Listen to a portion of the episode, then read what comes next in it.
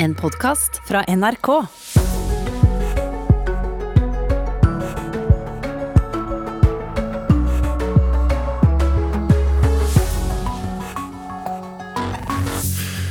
Hei, alle sammen. Nyhetsmorgen er på plass for å gi deg nyhetene vi tror du trenger å vite i dag. Vi tenker bl.a. at det er nyttig for deg å tenke over om du syns det er greit at PST får overvåke aktiviteten din på internett selv om du ikke er terrorist eller er mistenkt for å ha gjort eh, noe galt.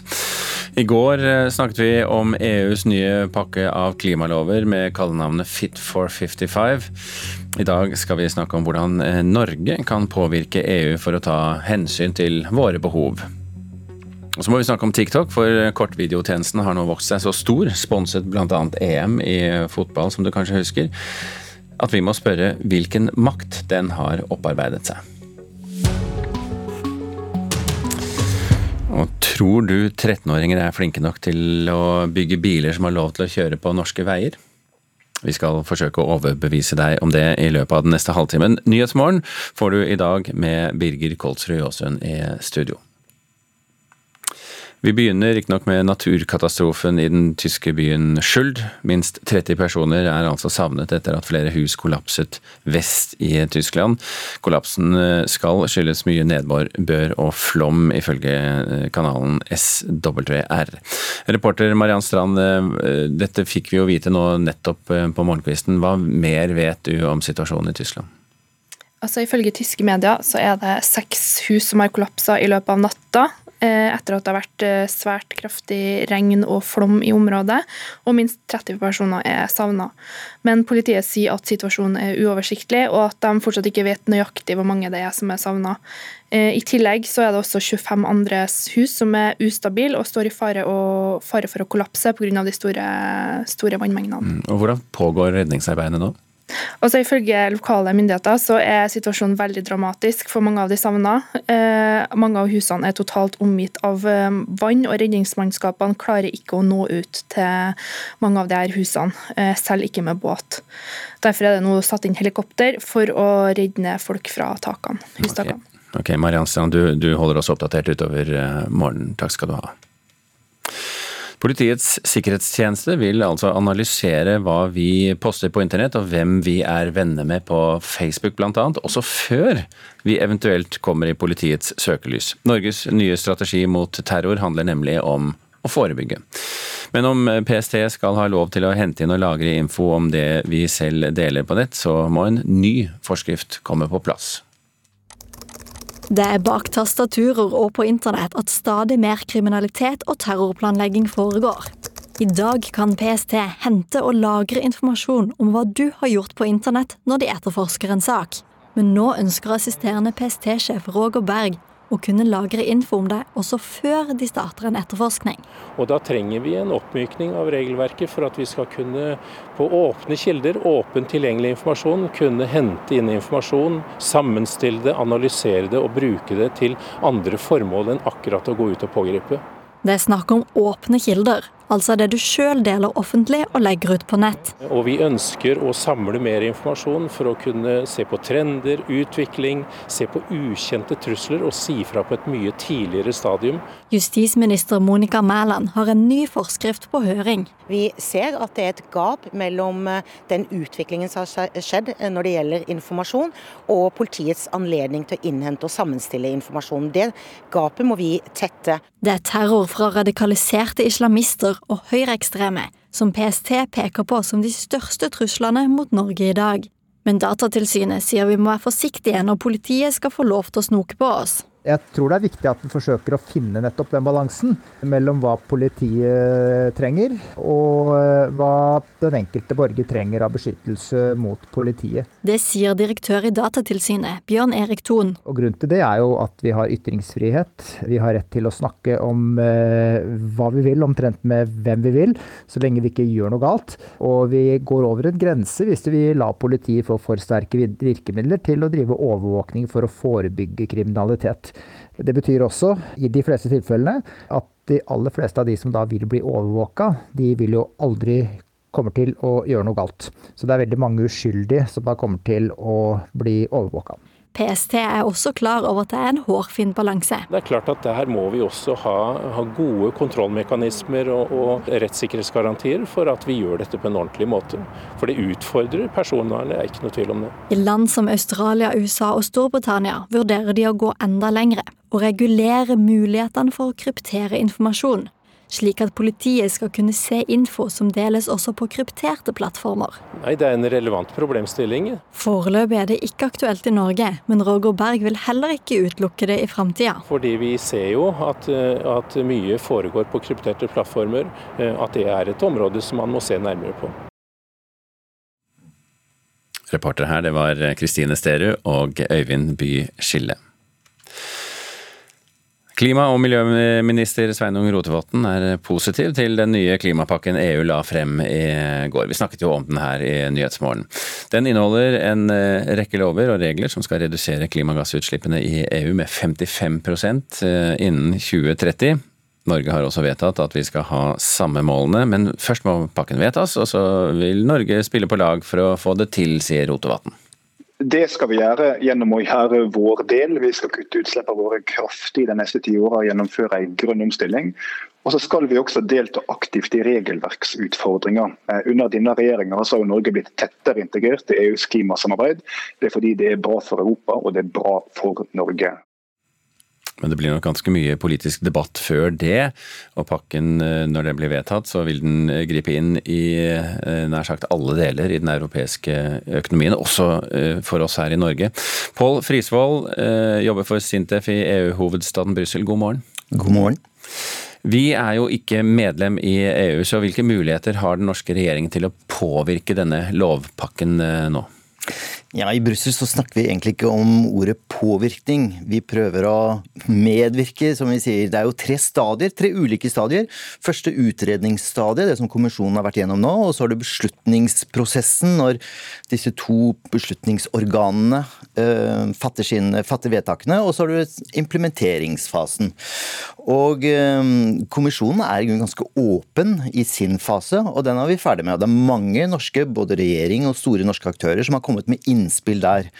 Eh, nå er situasjonen litt annerledes. Nå går man litt mer ned i skyttergravene og eh, inntar forhandlingsposisjoner. Og da er det Det er jo den vanskeligste fasen, hvor si at, at, regjeringen ikke er til stede rundt bordet i ministerrådet, eller at norske parlamentarikere ikke deltar i Europaparlamentet. Det er et handikap, så da må man jobbe helt annerledes. Som for eksempel?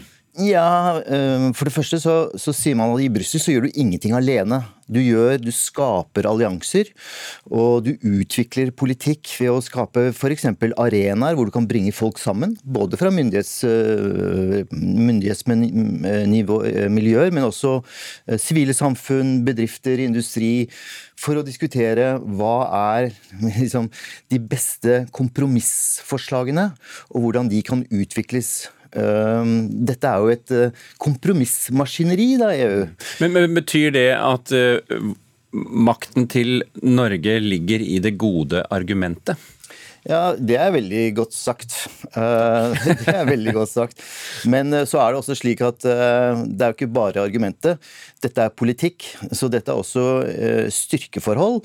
Men det er også klart at Eh, vi må finne allierte. Vi må finne medlemsland som er opptatt av de samme tingene som vi er. Vi må finne industri og andre miljøer som også eh, er villige til å ta opp de tingene som vi er opptatt av, og fremme de i selve beslutningsorganet. Det har, skjedd, det har skjedd veldig mye i EU de siste årene. Eh, nå er EU omtrent som den amerikanske kongressen. Du har Senatet er EUs medlemslandsråd, og eh, Representantenes hus er Europaparlamentene. Og de to skal komme frem til helt nøyaktig samme resultat. Og det er en intens forhandlingsprosess eh, hvor det er viktig å være på ballen. Men hvor interessert er egentlig politikere i EU-land i norske perspektiver? de er interessert i de så lenge de eh, er i samsvar med sine egne interesser. Så det vil si at vi må være veldig på banen, vi må være til stede, og vi må ha god dialog med toneangivende land og interesser. Men hva får de tilbake for å støtte det norske perspektivet? Ja, det, det er jo det som er vårt store dilemma. ikke sant? I EU så er det å gi og ta. Og, um, og vi har strengt tatt ingenting å gi? vi, for oss, vi har veldig stor interesse på spill, og det er Ja, det er en utfordring. Nå skal jeg veie mine ord på gullvekt. Men at, Nei, vi ikke, ikke at vi ikke er med, ikke sant? at vi ikke sitter rundt bordet. Vi skal ikke stikke ut en stol at det er et stort handikap i denne prosessen som begynner nå, og som varer ca. 12-18 til kanskje 24 måneder. For mm. det som uh, klimaminister Rotevatn er opptatt av, um, den, den, fasen, den innledende fasen hvor vi deltar i utvikling, i forberedelsen av reglene, den er jo over. Mm. Det er jo nå den harde politiske kompromiss... Hva skal jeg si, starter. Og der har vi et, kan ikke legge skjul på at vi har et stort handikap.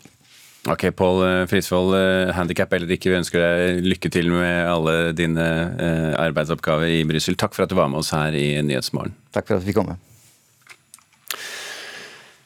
Vi skal bytte tema nå. Vi skal til denne saken om de ansatte i politiet, som også er medlemmer i Norsk Narkotikapolitiforbund, det som da kalles NNPF. De har nemlig fått medlemskontingenten til forbundet trukket rett av lønnen, og flere har den siste tiden vært kritiske til at det er for tette bånd mellom politiet og NNPF. Politidirektøren har varslet en gransking av dette forholdet, og jusprofessor, ekspert på forvaltningsrett ved Universitetet i Oslo, Hans Petter Graver, han mener at denne praksisen er underlig. Jeg tror ikke det er så vanlig for denne typen foreninger. Altså, det er jo ganske vanlig når det gjelder fagforeninger. Eh, men kontingent til eh, andre typer av foreninger som trekkes av lønnsslippet, det, det har ikke jeg hørt om, i hvert fall. Norsk Narkotikapolitiforening beskriver seg selv som narkotikapolitisk i sine vedtekter, og har vært en aktiv stemme i vårens rusdebatt, men er ingen fagforening. På nettsidene til foreningen står det følgende Som ansatt i politiet blir du trukket automatisk fra din lønn for medlemskapet. Dette knyttes opp mot ditt ansattnummer. Videre står det at søknader om medlemskap ikke blir godkjent uten at ansatte i politiet skriver inn ansattnummeret sitt. Praksisen med lønnstrekk til forbundet har pågått over lengre tid, ifølge Politidirektoratet. Førsteamanuensis ved Politihøgskolen Katrine Rong Holter mener praksisen understreker hvor tette båndene mellom forbundet og politiet har vært. Det er et eh, ledelsesansvar derimot i politiet å sørge for at ingen private interesseorganisasjoner kan eh, låne av den legitimiteten som politiet helt uformelt eh, også besitter. Holter mener det er bemerkelsesverdig at politietaten har bidratt til å opprettholde en slik ordning overfor en privat politisk interesseorganisasjon. NRK har vært i kontakt med flere politiorganisasjoner, og de sier alle at de fakturerer medlemmene privat. Nå stoppes praksisen, og ordningen med lønnstrekk skal granskes, sier assisterende politidirektør Håkon Skulstad. Ja, Vi er opptatt av at eh, det ikke skal eh, oppstå en uklarhet eh, der frivillige organisasjoner eller foreninger blir oppfattet som en del av politiet. Dette kan være ett forhold som eh, bidrar til en slik uklarhet. og Det er jo bakgrunnen for at vi nå eh, nedsetter et eksternt utvalg, gjennomgår alle sider av eh, denne type ordninger for å sette, rydde opp og sette retning fremover. Det skjedde bl.a. etter at det ble kjent at Politidirektoratet har gitt rundt tre millioner til forbundet over sitt eget budsjett, og etter at en såkalt utelivsavtale mellom forbundet, kommuner, uteliv og politi ble kjent. Flere som var en del av avtalen fortalte at det var vanskelig å skille mellom forbundet og politiet, det er litt av bakgrunnen for granskningen som skal påbegynnes av et eksternt utvalg til høsten, forklarer Skulstad. Og Vi ser naturligvis at det kan bidra til å skape økt tydelighet. Og Vi rydder nå opp i det med at det blir nedsatt et eksternt utvalg som skal foreta en grundig gjennomgang av hele dette området og NRK. Vi har selvfølgelig vært i kontakt med NNPF, men foreningen ønsker ikke å uttale seg om dette akkurat nå. Reportere her det var Tor Albert Frøsland og Julia Kirsebom Thommessen og Sverre Holm Nilsen.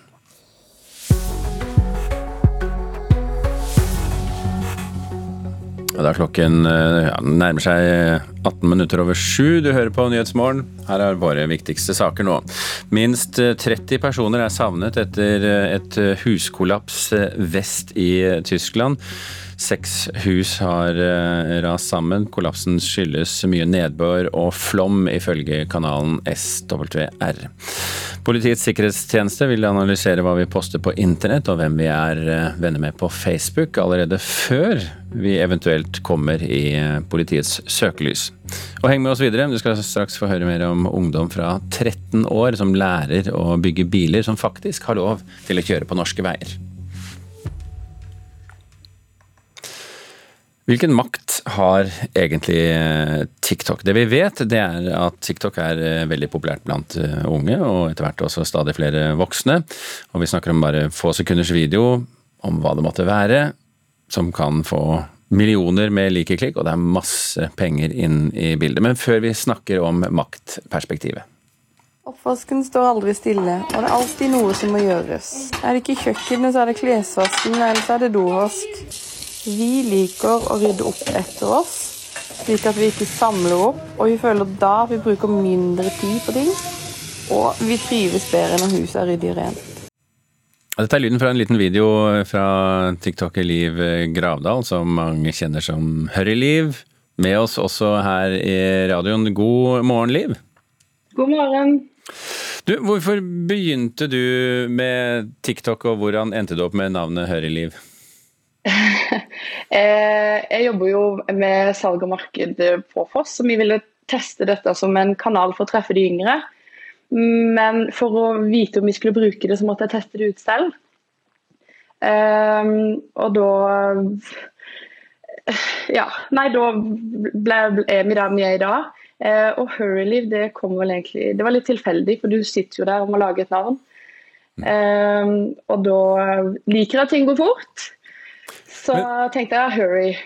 Men, men du, um, det, det, du driver med, er jo, det er jo veldig hverdagslige ting. Uh, måten du fyller opp kjøleskapet på, måten du vasker toalettet på, barn som svirrer rundt. Uh, det er jo fra ditt eget liv, er det ikke det? Mm, og det er jo det som er så greit med dette. at jeg, jeg trenger ikke bruke tid på å øve noe, jeg bare filmer hverdagslivet mitt. Men hvem tenkte du skulle være publikummet ditt? Jeg tenkte egentlig ikke at det skulle være så mye publikum. Hvem, hvem vil se på at en uh, dame driver og vasker og rydder skuffer? Men hvis det skulle ha vært noen, så hadde jeg kanskje tenkt min egen aldersgruppe, og ikke de aller yngste. Men, men, det er jo fascinerende. Jeg har aldri sett så ryddige sjokoladeskuffer, f.eks. nei. Har du så ryddig, eller er det bare noe du gjør for TikTok? Eh, nei, det er som, sjokoladeskuffen er alltid sånn. Eh, men som regel, ja. Men det trenger jo en opprydding av og til. ja. Reflekterer du over hvordan du påvirker folk? Jeg har begynt å tenke mer på det. For, for meg så er dette bare hverdagslivet. Og så tenker jeg ikke over at det er så mange som ser på det. Eh, og så er jeg vet at det er noe jeg må ha mye mer fokus på i fremtida. Mm, vi, vi, skal jo snakke om, eh, eh straks med en annen eh, person, om eh, makten som følger med TikTok. Har du gjort deg noen refleksjoner over hvilken makt TikTok har som eh, sosialt medium i verden? Uh, nei. Eh, jeg er ganske, ganske, naiv på sånne ting, så jeg har ikke tenkt så veldig mye på det, annet enn at det er en artig plattform å følge med på. Og, og følge med på, for det sier du fordi at det skjer jo trend Det er jo trender på TikTok også. Det er ja. jo ting som skjer hele tiden, og så bølger det opp, og så bølger det ned, og så er det borte igjen. Mm. Er du, når du uh, lager dine videoer, er du opptatt av hva som trender til enhver tid? Nei. Jeg, jeg, kan ikke følge med på det. Jeg må egentlig bare kjøre min egen greie. Eh, og mange av de trendene er jo ikke det jeg handler om. Nemlig. Liv eh, Gravdal, takk for at du eh, var med oss her i Nyhetsmorgen på morgenkvisten, og, og fortsatt lykke til med, med godteriskuffene dine.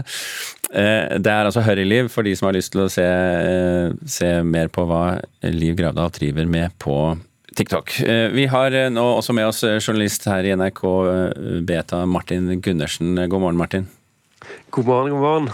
Vi har, vi har, jeg har nevnt det ved et par anledninger nå. Hvilken makt har TikTok? Det har blitt en av de største plattformene i sosiale medier, og hvor du har YouTube, hvor du ser de lange videoene som for i noen aldersgrupper eh, ser man mer YouTube enn man ser noe annet innhold, om det er NRK eller om det er TV 2. Eh, så er TikTok blitt det samme for korte videoer, liksom disse videoene fra fire sekunder til tre minutter. Og det er en utrolig stor makt i det, fordi at eh, TikTok eh, lar deg veldig lett eh, kopiere andre, imitere dem med dine videoer, eller bare se veldig mye av innhold.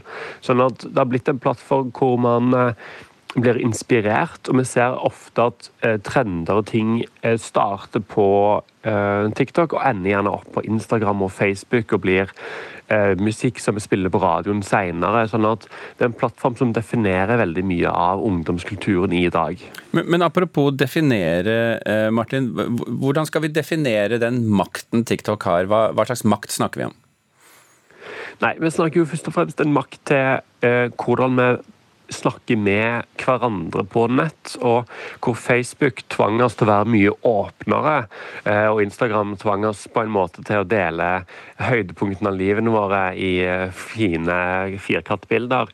Så TikTok eh, kanskje en makt til å påvirke oss til å være litt sånn lekne, joviale og naive personer som legger ut innhold. Det er politisk innhold òg på TikTok, men det er en plattform som gjerne vil ha det på en måte lekne og morsomme. Eh, sånn at plattformen eh, har alle plattformer har makt til å påvirke hvordan vi snakker med hverandre. og eh, Vi ser gjerne at disse sosiale mediene eh, ofte ikke er et eh, stor arena for den tunge, tunge, viktige samtalen, men gjerne eh, det lekne avbrekket i hverdagen hvor vi kan puste ut da, og mm. kanskje glemme bort litt jobb og skole.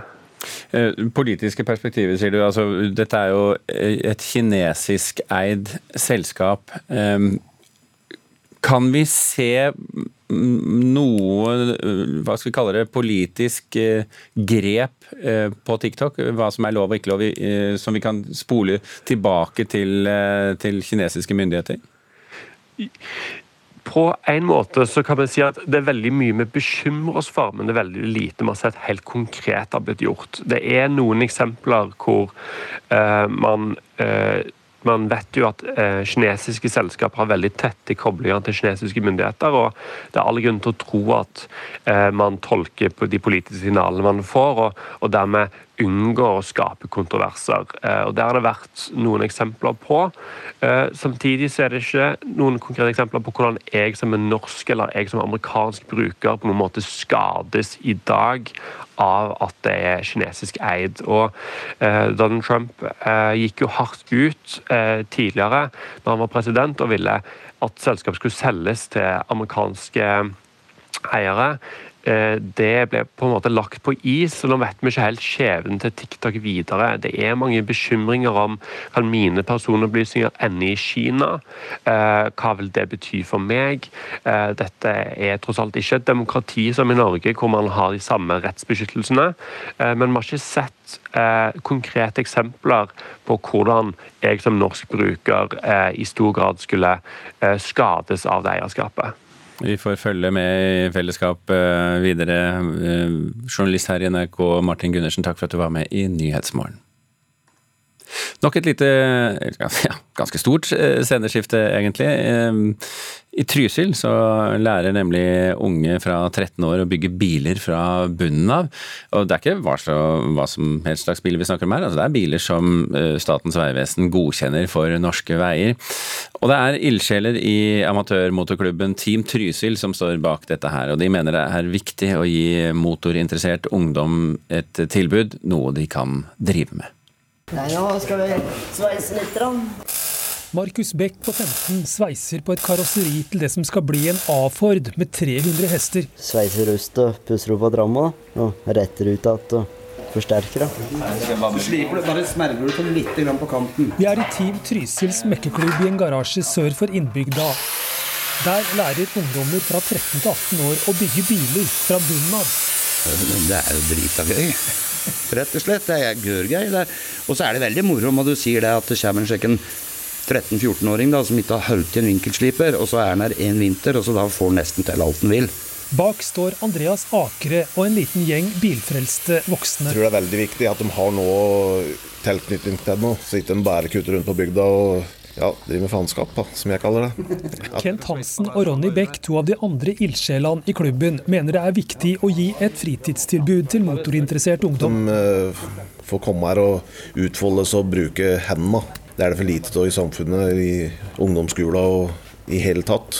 De trenger det for å utfolde seg og prøve seg litt på nanel, fotball og ski. Å bygge biler er dyrt. Mekkeklubben har søkt om støtte der det er mulig. Vi sender søknader til alle mulige det er mulig å søke, så søker vi om penger. Da det lokale næringsliv er veldig bra til å støtte oss. Støtta på 100 000 gjorde det mulig å ha sommeråpen garasje for ungdommer. Den ga også sommerjobb til tre unge i klubben.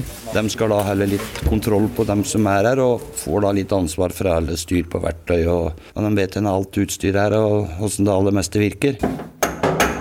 15-årige Tom Kevin Sommer bygger opp igjen ei gammel Volkswagen Boble fra bunnen. Han liker å være med i mekkeklubben. Det er da noe å gjøre på fritida. Og så driver med noe jeg liker å gjøre. Det er moro. Ja, dette er jo en amatørbygd hotrod da, som vi har i grunn arbeidet fra grunnen av. Til nå har de bygd to hotrods fra bunnen av med egen ramme godkjent av Statens vegvesen. Fra et trafikksikkerhetssynspunkt så er det superviktig. For det er liksom ikke bare å ta en vinkelsliper og kappe fjøren på Volvoen din, så han detter på bakken. Da, det er ikke løv. Men gjør du det på riktig måte, så er det løv. Men eh, det er jo bare karosseriet her. Liksom. Det ser ut som voldsomt mye jobb. Ja, det er litt jobb på det. Det er det. Når blir du ferdig med dette, tror jeg? Nei, jeg tipper vi har kommet langt etter sommeren. Forden er jo ganske simpel. Det er jo egentlig en lettbygd bil. Vi som kaller oss voksne, da, vi har liksom ingen lønn eller noen ting. Da. Vi, vi gjør det jo for at vi syns det er innmari gøy, da. Vi hadde sikkert kommet til være her i alle fall. Andreas Akere i Team Trysil mekkeklubb, og så hørte du 15-åringene Markus Beck og Tom Kevin Sommer. Reporter Stein S. Eide. Det nærmer seg 7.30 nå. Vidar Eidhammer er klar med siste nytt.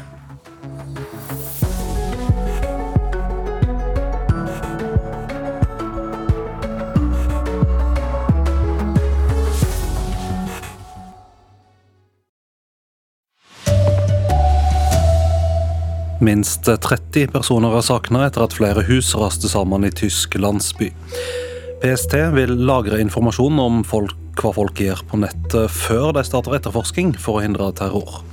Og leger mener det må komme et hjelmpåbud for elsparkesykler. Her er NRK Dagsnytt klokka 7.30. Vest i Tyskland er kring 30 personer savna etter at kraftig regn og flaum førte til at minst seks hus raste sammen. Dette skjedde i landsbyen Schult i Rheinland-Pfalz. Korrespondent Roger Severin Bruland, hva vet du om det som skjedde? Veldig dramatisk situasjon med kraftig regn og elver som har utvida seg. Det er også snakk om 25 andre hus som også er ustabile. Og det er snakk om fem personer som sitter fast i et hus som brannvesenet ikke kommer til pga. for sterke strøm. I går ble det meldt om at en brannmann omkom da han rett og slett mista fotfestet i ei elv og forsvant med strømmen. Så det er sterke krefter i sving. Og vi har også hørt meldinger om to redningsmenn som var på vei til en åstad. som måtte søke tilflukt på taket av bilen sin. og De venter også på hjelp, men brannvesenet får ikke ut båtene sine pga. veldig sterk strøm. Så det er en dramatisk situasjon, og det er nå klar, erklært unntakstilstand i regionen. Ja, Det er altså et ekstremvær som blir kalt Bernt, som har råka dette området vest i landet. Hvordan har ekstremværet råka området? Ja, det har jo råka nabolandet òg, Belgia og, og Sveits. Så det er snakk om veldig kraftig regn som har ført til veldig kraftig flom. Og det blir jo sagt at slike flommer skjer vanligvis om vinteren, så folk er tatt på senga. I tillegg til at ja, den er veldig mye sterkere enn en det som er vanlig. Så, så det er utrolig vanskelig å få gjort redningsarbeid. Folk er rett og slett bedt om å holde seg unna området områder der de ser naudetatene, nødetatene, for at det kan rett og slett være livsfarlig. Og så er jo det her en situasjon som er under eh, utvikling nå i natta og utover morgenen. Korrespondent Roger Severin Bruland. Den eh, nye norske strategien mot terror handler om å forebygge. Og I dag kan Politiets tryggingstjeneste hente og lagre informasjon om eh, hva du har gjort på internett når de etterforsker en sak. Men assisterende PST-sjef Roger Berg vil kunne lagre informasjon om deg også før de starter etterforsking. Og Da trenger vi en oppmykning av regelverket for at vi skal kunne på åpne kilder, åpent tilgjengelig informasjon, kunne hente inn informasjon, sammenstille det, analysere det og bruke det til andre formål enn akkurat å gå ut og pågripe. Det er snakk om åpne kilder, altså det du sjøl deler offentlig og legger ut på nett. Det er terror fra radikaliserte islamister og høyreekstreme som PST peker på som de største truslene mot Norge i dag. Og Vi ønsker å samle mer informasjon for å kunne se på trender, utvikling, se på ukjente trusler og si fra på et mye tidligere stadium. Justisminister Monica Mæland har en ny forskrift på høring. Vi ser at det er et gap mellom eh, den utviklingen som har skjedd eh, når det gjelder informasjon, og politiets anledning til å innhente og sammenstille informasjon. Men Datatilsynet sier vi må være forsiktige når politiet skal få lov til å snoke på oss. Jeg tror det er viktig at vi forsøker å finne nettopp den balansen. Det sier direktør i Datatilsynet, Bjørn Erik Thon. Og Grunnen til det er jo at vi har ytringsfrihet. Vi har rett til å snakke om eh, hva vi vil, omtrent med hvem vi vil. Og vi går over en grense hvis vi lar politiet få for sterke virkemidler til å drive overvåkning for å forebygge kriminalitet. De aller fleste av de som da vil bli overvåka, de vil jo aldri kommer til å gjøre noe galt. Så det er veldig mange uskyldige som da kommer til å bli overvåka. PST er også klar over at det er en hårfin balanse. Det er klart at Der må vi også ha, ha gode kontrollmekanismer og, og, rettssikkerhetsgarantier for at vi gjør dette på en ordentlig måte. For det utfordrer personvernet, det er ikke noe tvil om det. Reportere Øyvind Bye Skille og Kristine Stensrud. En kvinne er sendt til eh, Ullevål sykehus i Oslo med kritiske skader etter å ha velta med elsparkesykkel i Fredrikstad sentrum i natt. Operasjonsleder i Aust politidistrikt, Tom Sandberg. Det var en jente i 20-årene som var ute og kjørte sånn sparkesykkel som hun hadde leid.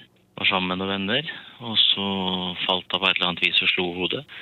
Vennene kjørte foran, så de, i hvert fall så langt vi vet nå, så har ikke de sett hva som skjedde. Hun ble fraktet til eh, sykehus og videre til Ullevål pga. at det var kritisk skadd, hodeskader. Og Leger ved St. Olavs hospital i Trondheim mener det er helt utrolig at folk får kjøre elsparkesykkel uten hjelm. Etter å ha sett en dobling i tallet på ulykker med elsparkesykkel til nå i år, tror de det er et spørsmål om tid før det kommer et hjelmpåbud. Det burde vært en selvfølge at det er hjelm, hjelmpåbud. Øystein Bekkvik og hans 14 år gamle sønn Simen er to av mange elsparkesyklister på Solsiden i Trondheim. Samtidig skiller de seg ut i mengden. De har nemlig på seg hjelm. For når man bruker et framkomstmiddel som kan komme opp i hele 20 km i timen, er det idioti å ikke bruke hjelm, mener de. 20 km i timen, det er faktisk ganske fort på en sånn en. Skadene er ganske omfattende.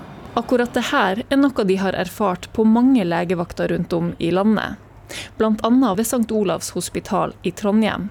Legene syns det er helt utrolig at det er tillatt å kjøre rundt uten hjelm, og overlege Jean-Paul Grabner von Rosenberg tror det bare er et spørsmål om tid før det kommer et påbud. Jeg tror at uh, hjelm er en uh, uunngåelig sak som vil bli innført når det gjelder elsparkesykler, fordi vi ser at skadeomfanget stiger betydelig fra 2019 fram til 2021, som er i dag, hvor vi har de siste tallene fra. Trygg Trafikk støtter et hjelmpåbud, men seniorrådgiver Harald Herås påpeker samtidig at det kan by på utfordringer. Sånn som det er lagt opp nå, så er det jo at det skal være raskt å få tak i, og det skal være tilgjengelig rundt omkring overalt. Vi ser jo ikke for oss at eh, de som da på impuls skal bruke en elsparkesykkel, at de har med seg en hjelm til enhver tid.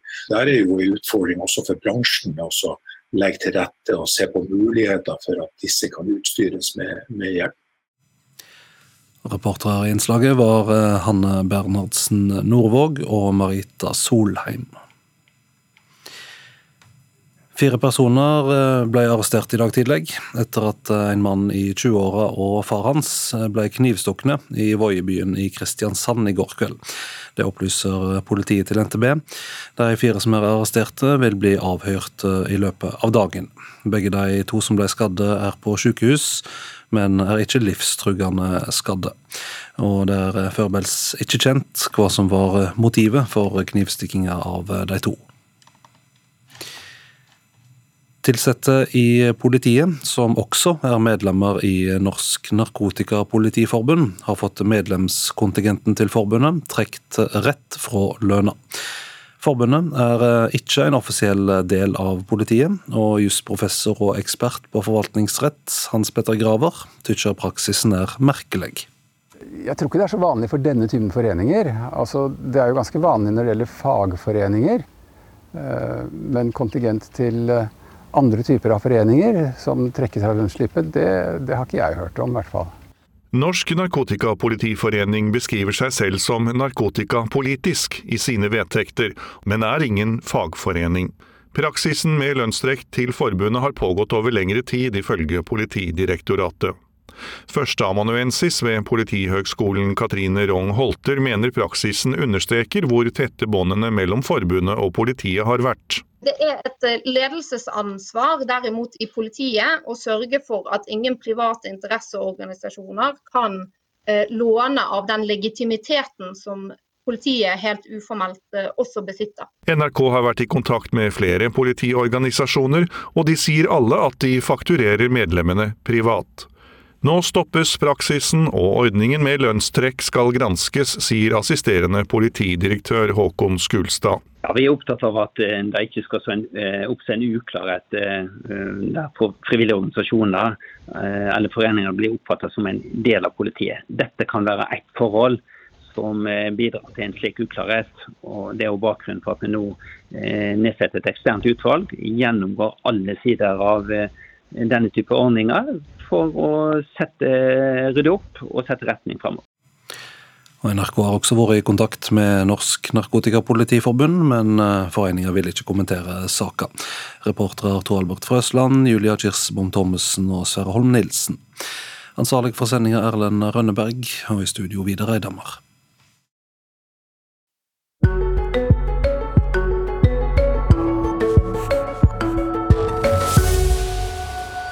Når deler av rusomsorgen tar eh, sommerferie, så må jo de frivillige trå til.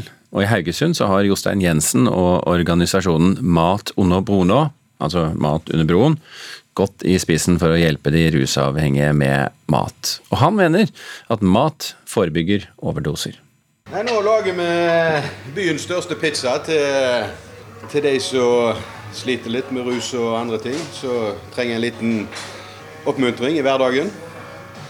Så nå skal vi lage store, gode pizzaer, og så skal vi kjøre ned under Risøybroen og servere sommerpizza. Jeg vet ikke i antall kilo, men det er jo, tror det skal være nok til 40-50 mann iallfall. Kjøkkenmaskinen går for fullt på kjøkkenet til Vår Frelsers menighetshus når pizzadeigen skal eltes. Noen skjærer tomater, paprika og annet tilbehør. Kjøttdeigen er allerede stekt opp, og skinka ligger klar. Harald Lie er en av mange frivillige i organisasjonen Mat under brona, som ukentlig er med og lager mat til de rusavhengige i Haugesund. Nei, Nå er det jo sommer og korona, og mange av dagens tilbud til rusmisbrukere er jo stengt pga. fellesferie og sånn, så da lager vi litt pizza her og håper de blir fornøyde med det. Vi er en fin gjeng her. Vi har jo drevet på noen år med å lage mat og gi dem et tilbud. Så dette er bare gøy. Ja, her går det unna. men eh, de går av seg sjøl, disse folka. Og hver gang jeg skal hjelpe, så er jeg jo i veien, som, som da sitter. Jostein Jensen er primus motor for dugnadssengen som lager maten. Han har sjøl vært rusmisbruker i over 40 år, og vet hvor viktig det er å få i seg mat når rusomsorgen tar fellesferie. Det er veldig viktig, for eh, mat eh, forebygger overdoser. Og, og, nå har jo alle, alle har jo stengt ned. Eh, Tetri, altså kirkens, og Frelsesarmeen. Men Kirkens Bymisjon har åpna nå for matutlevering. De leverer på samme mat, men de gjør ikke middag. Og så prøver vi å servere noen varme måltider da, for å supplere litt. For, eh, noen år siden så målte de jo flere kilo nedgang på samtlige juli måned. de som de fikk veier på, på helsestasjonen. Og det, det, er ikke så mange kilo å gå på i utgangspunktet. Det forteller vel litt om behovet dette her, egentlig, da, den, den vektreduksjonen? Ja, altså det er et ekstremt behov. Men det er jo ikke vanskelig for oss å holde på. Jeg står på Frelsens menighet med huset. Sant? Åpen. Kom og bruk kjøkkenet vårt. Næringslivet står jo altså Jeg går inn på en butikk og sier jeg har et prosjekt. Ja, hva trenger du? Altså, Det er jo fantastisk. Så takket være sånne aktører på banen, så klarer vi å gjennomføre det.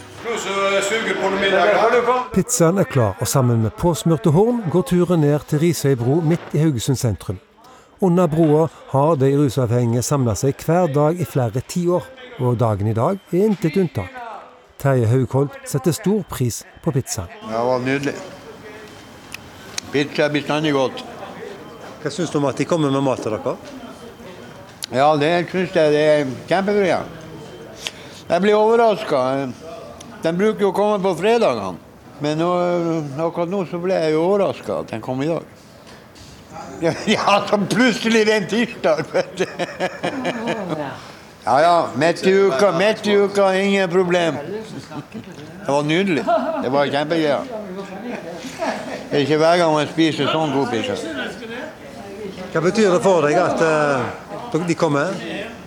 Ja, det betyr mye. Det betyr at uh, de bryr seg. Og jeg er jo ikke herifra, så så det blir jo, det blir jo litt sånn ekstra vet du, når man ikke er herifra. Sånn.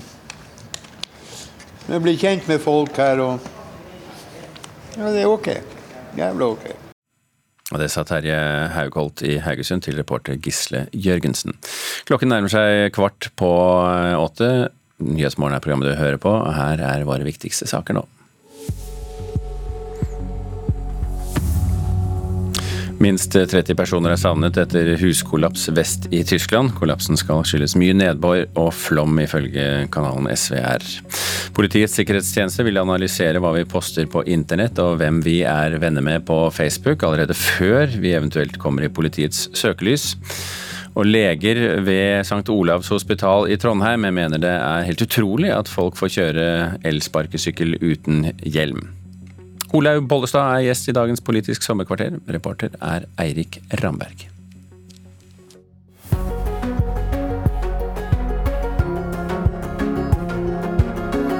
Jeg er i KrF, så et halvlidunder hadde jo vært fint å se i 2021. Navnet er Olaug Vervik Bollestad. Nå er jeg landbruks- og matminister, faktisk. Ehm, så det er jeg nå, men jeg vil jo inn på Stortinget igjen, sånn som jeg har vært når jeg er ferdig som landbruks- og matminister en eller annen gang.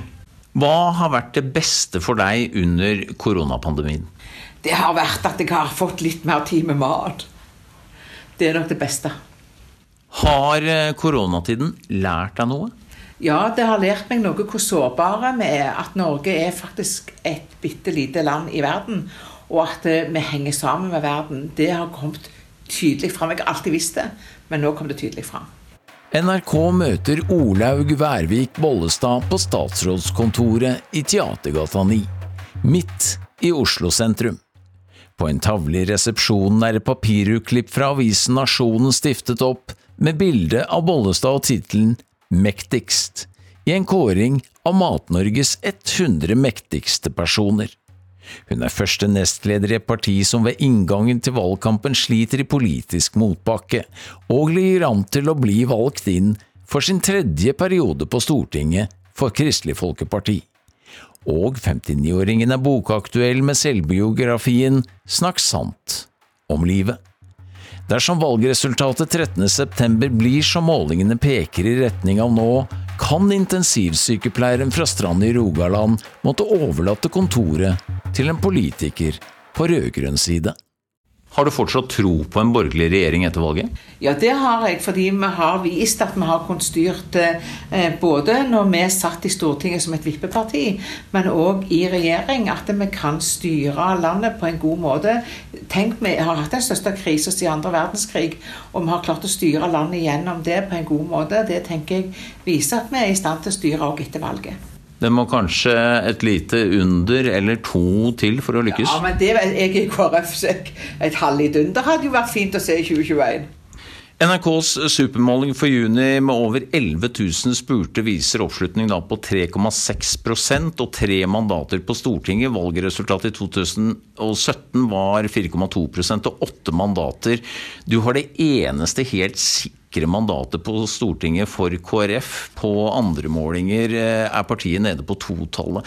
Hva mener du er hovedårsaken til denne situasjonen for partiet? det hadde kun pekt på en hovedårsak, så hadde vi jo gjort noe med den. Eh, men problemet er jo at vi ikke klarer å definere helt hva utfordringene er. Men jeg tror at noen av debattene Vi har en regjeringsslitasje på ene sida, men vi fikk heller ikke uttelling når vi satt på vippen i Stortinget på meningsmålingene. Så for oss så handler det om både å nå fram med vår politikk, modernisere vår organisasjon og klare å treffe befolkningen i 2021. Men Bollestad, tidligere så hadde partiet et grunnfjell av velgere. Eh, hvor er det blitt av dette fundamentet for eh, oppslutning om partiet? Dere går jo tilbake i tidligere sterke valgkretser eh, på hele Nordvestlandet og også på Sørlandet. Ja, det er jo et paradoks, og det håper jeg at folk ser fram mot valget nå 13.9. at vi er helt avhengig av å ha et, et sikkert grunnfjell. Det har vært kjennetegnet på KrF. Men hvorfor ser det ut til politisk sett å forvitre? Det er jo et godt spørsmål. som vi Hadde ikke hatt svar på det, så hadde vi jo kunnet gjort noe med det. Men jeg tror at det er mange årsaker til det. Kristenfolket er mye mer mangfoldig enn før. Organisasjonslivet er annerledes. Eh, og KrF er òg kom dit at vi ønsker jo å, å, vise at vi er et parti som bygger på noen kristne verdier, men som også har rom for folk som verken går i kirke eller bedehus. Det er òg en viktig bit av dette, tenker jeg. Hvordan har dragkampen i partiet om retningsvalget partiet da gjorde 2018 påvirket situasjonen for partiet i dag når det gjelder velgernes oppslutning? Jeg tror at eh, noen har valgt å gå ut av partiet, men jeg ser samtidig et mye et samla parti Når jeg nå reiser rundt i organisasjonen, så opplever jeg et samla parti, en stolthet over det vi har fått til i regjering. Ehm, det vi har fått til f.eks. For, for barnefamiliene, men òg fokuset vi har hatt på norsk landbruk. Høsten 2018 så var jo du og daværende partileder Knut Arild Hareide uenige om retningsvalget. Han ville til Arbeiderpartiet og Senterpartiet, og du ville til Solberg-regjeringen, som også inkluderte Fremskrittspartiet. Du ble beskyldt for å være med på kupp i ditt eget fylkeslag Rogaland.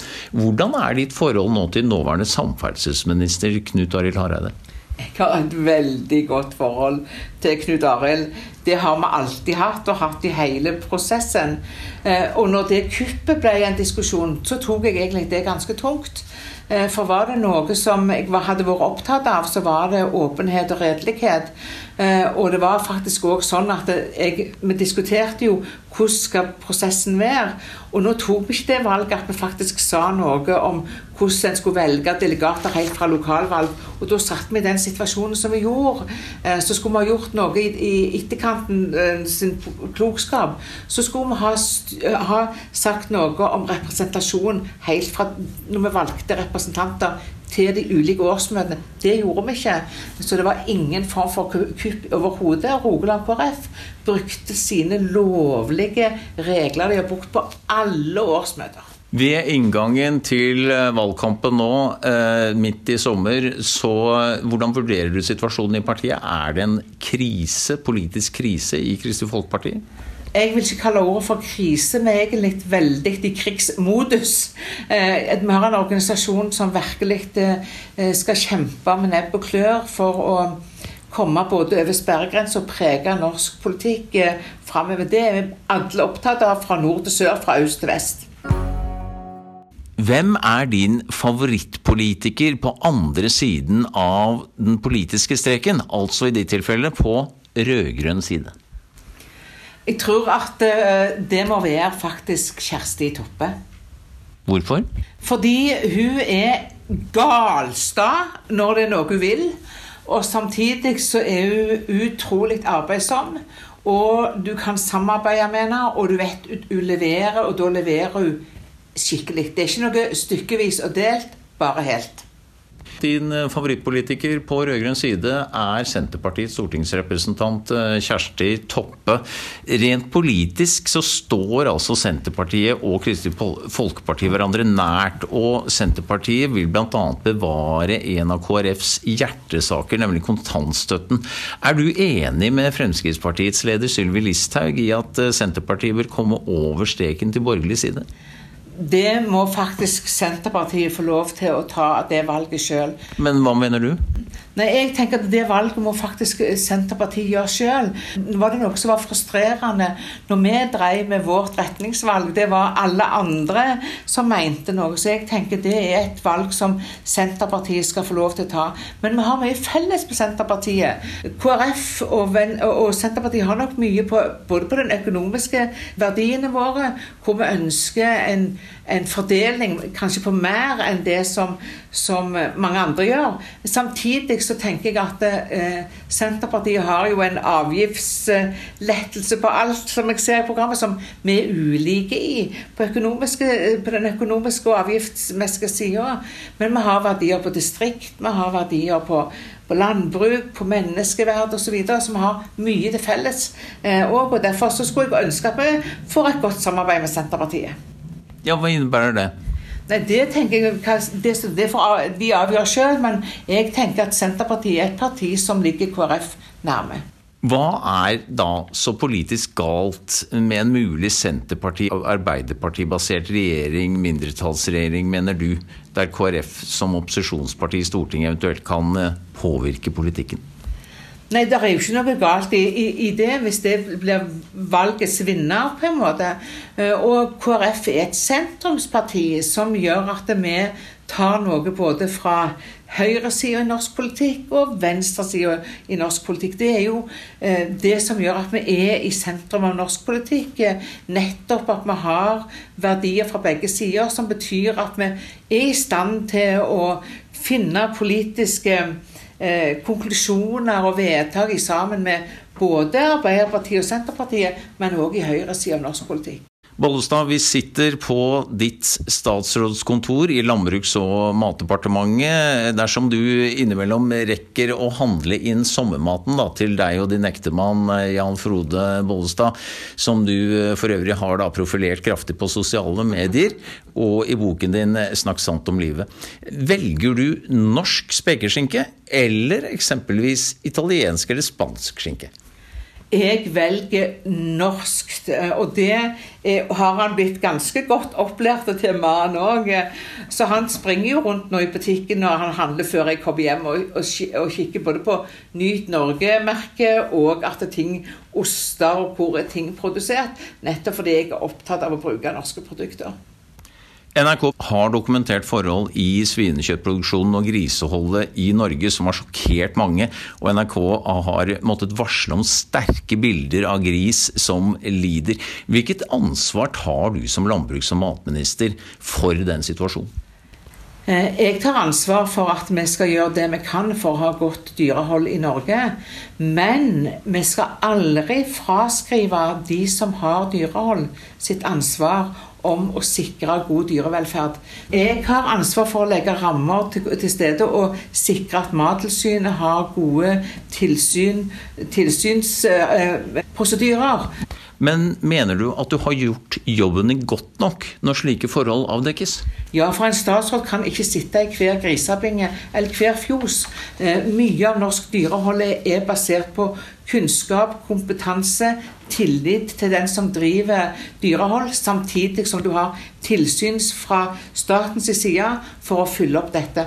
Men det er òg basert på at du har så stor kunnskap til å ha dyr at du skjønner at skal du ha penger igjen på bunnlinja, så må du faktisk òg ha dyr som har god helse og god dyrevelferd.